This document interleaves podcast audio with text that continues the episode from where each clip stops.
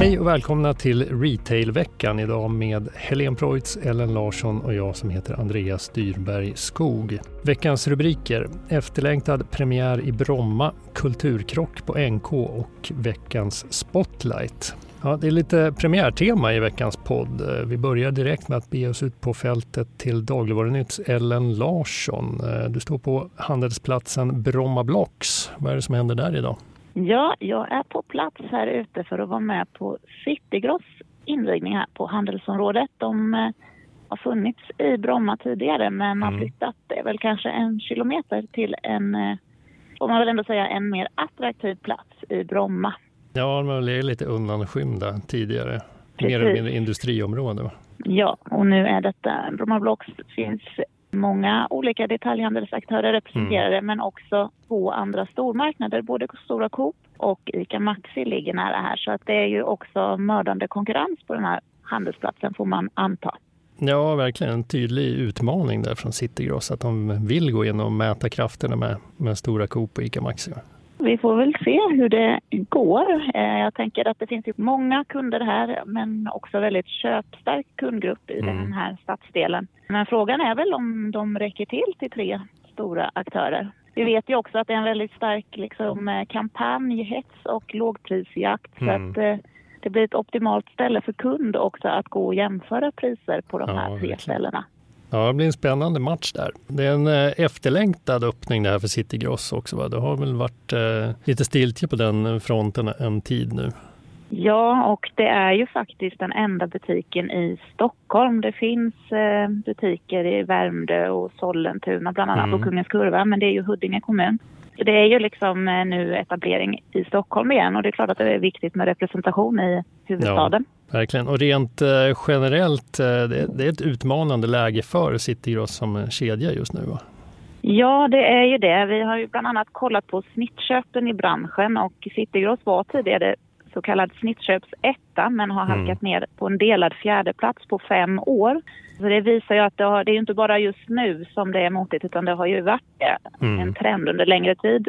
Och just Citygross liksom koncept kring saluhall, det färskvarubetonade och hantverksmässiga kring kött och liknande. Kanske inte den liksom eh, viktigaste säljpitchen just nu i det här rådande marknadsläget. Man har väl även tappat mer än eh, bara snittköp. Man har väl även tappat eh, penetration i, i GFKs mätningar om jag inte minns fel. Precis, både penetration, lojalitet och snittköp har backat mm, mm. under 2023. Hur ser det ut på platsen just nu då? Är det några köer utanför butiken?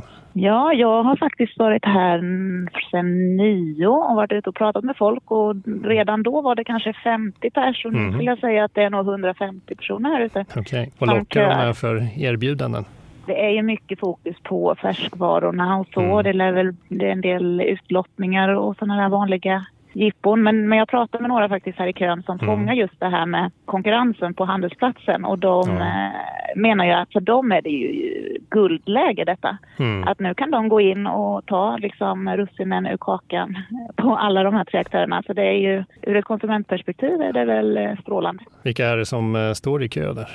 Hur ser kundkretsen ut? Jag skulle säga att så här klockan eh, tio en torsdag så är det ju mycket pensionärer och barnfamiljer med mm. små barn som är föräldralediga. Men en del andra också. Ägarfamiljen, är de representerade? Elisabeth och Spiros? Vet inte det än. Jag vet, sist jag var på en sån här invigning i Linköping för några år sedan, då var de med. Vi får väl se om de mm. och vdn Anders Wennerberg är på plats. Vi tar och vimlar vidare till eh, nästa premiär tänker jag nu. Eh, Kaja Cosmetics har öppnat en pop-up på NK i Stockholm. Bianca Ingrosso var där förstås och det var även Markets Helene Preutz. Eh, kulturkrock på NK sa jag där i löpsedeln. Blev det någon kulturkrock. ja men det kan man säga. Jag kan ju börja med att konstatera att det verkar inte ha varit samma personer som köade för Kaja Cosmetics öppning som eh, Ellen Larsson mötte utanför Citygross utan det var några hundra unga tjejer mest mm. eh, som stod i kö inför den här öppningen och de var väldigt förväntansfulla. När jag pratade med dem på plats så var det nästan lite så här rockkonsertkänsla. Folk hade mm. köat från halv sju på morgonen och de hade med sig liksom frukost och en tjej beskriver då att liksom hon blev skakig i benen när hon fick, fick skymt av eh, Bianca Ingrosso inför den här öppningen. Mm. Kulturkrock, ja men det kan man väl säga Kaja då som liksom har eh, på kort tid blivit otroligt framgångsrika med sitt eh, liksom poppiga och eh, moderna koncept eh, flyttar då in på anrika NK. De har fått eh, ett litet rosa hörn i den här liksom mm. väldigt eh, traditionellt inredda ljusgården inne på NK och man hade också just den här dagen hade man ändrat färgen på NKs anrika klocka så att den lyste i rosa. Så att eh, hela det här eventet var ju väldigt eh, upphåsat mm. kan man säga. Och de som stod där i kön, var de, var de där lika mycket för att eh, få en skymt av Bianca som att se butiken tror du? Ja, men jag fick lite den känslan av att ja, men det betyder säkert mycket för många av dem som stod i kö. Mm. Några av dem kanske eh, ja, skolkat från mattelektionen för att hinna dit. Säkert. Men eh, Bianca Ingrosso själv då, stod hon i kassan när butiken öppnade eller hur eh, frontade hon den här satsningen? Ja, hon flöt omkring där inne, poserade på lite bilder. Ja, hon fanns på plats. Hon fick inte ge några intervjuer, Nej. blev vi eh, eh, vassa om, utan vi fick istället prata med deras vd Johanna Hamrén. Mm. Ja, hon sa ju något eh, intressant om just eh, Bianca där att eh, den eh, stora och hängivna följarskara som Bianca har, den, den dragningskraften, eh, liksom, den, är på både gott och ont faktiskt. Vad, vad menar hon med det? Det var intressant att hon medgav det faktiskt. Bianca är ju grundaren så att hon är ju liksom såklart det stora dragplåstret och utan henne så hade de väl sannolikt inte haft de här framgångarna.